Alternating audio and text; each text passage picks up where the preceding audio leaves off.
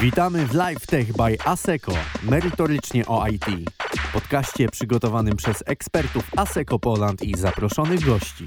Każdy odcinek to konkretna wiedza w ramach wybranego obszaru technologicznego. Subskrybuj nasz kanał i rozwijaj się wspólnie z nami.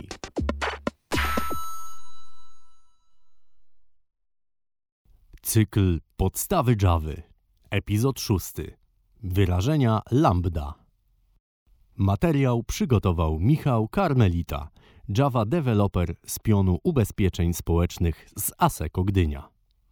W ostatnim podcaście z serii obejmującej podstawy Java przybliżyliśmy sobie nieco zagadnienie interfejsów, pokazując m.in. w jaki sposób pozwalają one na uproszczenie oraz skrócenie kodu. W dzisiejszym wpisie zajmiemy się elementem języka Java, który pozwala uczynić kod jeszcze bardziej czytelnym i zwięzłym. Elementem tym są wyrażenia lambda. W pierwszej kolejności stwórzmy interfejs o nazwie Spaces Remover, który będzie miał tylko jedną metodę, która przyjmuje argument typu string i zwraca wynik również typu string. Metodę tę nazwijmy remove surplus spaces. Interfejs taki jak ten który właśnie utworzyliśmy, czyli posiadający tylko jedną metodę, określa się mianem interfejsu funkcyjnego. W naszym przypadku metoda zdefiniowana w interfejsie odpowiadać ma za usuwanie nadmiarowych spacji ze stringa przekazanego jako argument. Najprostsza implementacja interfejsu mogłaby przebiegać następująco.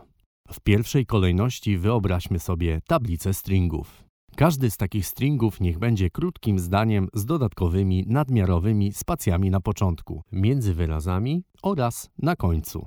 Spacje te będziemy chcieli w toku działania poprawić, czyli usunąć wszystkie spacje występujące przed pierwszym wyrazem w zdaniu, oraz te, które pojawiają się już po kropce kończącej zdanie, a także zastąpić podwójne lub potrójne spacje między wyrazami zdania pojedynczym odstępem. Następnie interfejs implementujemy jako klasę wewnętrzną. Metoda remove surplus spaces zostałaby przez nas nadpisana w ten sposób, że na stringu przekazanym jako argument wykonywalibyśmy kolejno metody trim oraz replace all zastępując wielokrotnie wystąpienia spacji pojedynczą spacją. W kolejnym kroku tworzymy instancję naszej klasy wewnętrznej implementującej interfejs Spaces Remover. Następnie w pętli for na każdym elemencie tablicy stringów wykonujemy metodę remove surplus spaces. W efekcie otrzymujemy tablicę zawierającą zdania pozbawione nadmiarowych spacji. Rozwiązanie, które przed chwilą opisałem, wymagało napisania sporej liczby linii kodu. Ponadto, jeżeli potrzebowalibyśmy po raz kolejny przetworzyć całą tablicę stringów, to każde takie kolejne przetworzenie wymagałoby ponawiania pętli for, czyli generowania kolejnych linii kodu. Opisany problem moglibyśmy częściowo wyeliminować, zamykając pętlę for w pomocniczej metodzie. Metoda taka jako pierwszy argument przyjmowałaby tablicę stringów, którą chcemy przetworzyć. Jako drugi zaś obiekt klasy rozszerzającej interfejs Space Remover. Możemy przekazać taki obiekt jako odrębny byt, ale także zaimplementować interfejs ad hoc jako klasę anonimową. Warto zwrócić uwagę, że interfejs Spaces Remover posiada tylko jedną metodę, którą musimy zaimplementować i którą chcemy zastosować wewnątrz metody pomocniczej na każdym elemencie tablicy. Dużym uproszczeniem byłoby zatem, gdybyśmy nie musieli tworzyć obiektu klasy implementującej interfejs Spaces Remover, ale mogli przekazać jako argument bezpośrednio metodę, którą chcemy wywołać na każdym elemencie tablicy. Taką możliwość dają nam wyrażenia lambda. Wróćmy do naszej pomocniczej metody. Jako pierwszy argument przekazujemy jak dotychczas tablicę stringów do przetworzenia. Drugim argumentem przestaje jednak być obiekt, a staje się wyrażenie, które zapisać można następująco. Słowo sentence, następnie strzałka składająca się z myślnika i nawiasu ostrego, a za strzałką ponownie słowo sentence, tym razem z wywołanymi na nim metodami trim oraz replace all. Tym samym przekazaliśmy jako argument wywołania metody pomocniczej właśnie wyrażenie lambda. Choć oczywiście nie można całkowicie utożsamić takiego wyrażenia z metodą, to efekt przekazania wyrażenia lambda jako argumentu metody jest taki sam, jaki byłby wówczas, gdybyśmy mogli przekazać normalną metodę, czyli jakbyśmy przekazali metodę jako argument wywołania innej metody. Równocześnie jest to bez wątpienia rozwiązanie bardziej zwięzłe i eleganckie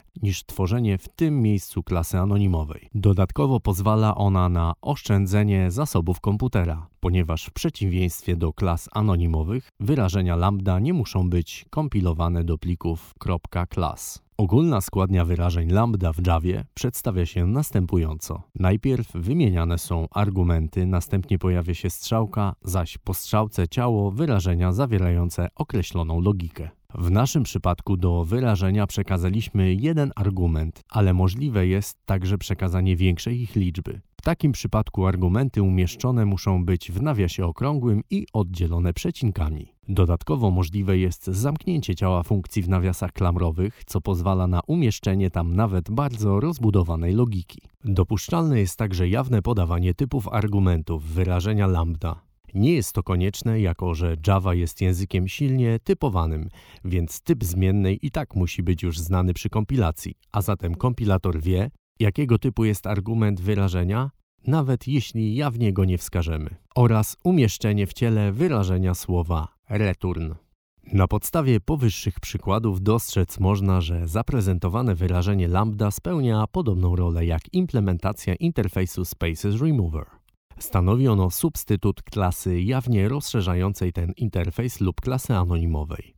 Zarówno lambda, jak i implementacje interfejsu posiadają argumenty oraz ciało, którym zawarta jest logika przetwarzania tych argumentów. Składnia wyrażeń lambda jest przy tym znacznie bardziej zwięzła niż składnia klas. W dotychczasowych rozważaniach wykazaliśmy, że wyrażenia lambda mogą być przekazywane jako argumenty wywołania metod analogicznie jak zmienne. Wyrażenia takie można także przypisywać bezpośrednio do zmiennych typu interfejsu funkcyjnego. Jeżeli zatem zadeklarowalibyśmy zmienną typu interfejsu Spaces Remover o określonej nazwie, to po znaku równości zamiast obiektu klasy implementującej ten interfejs moglibyśmy umieścić właśnie wyrażenie lambda.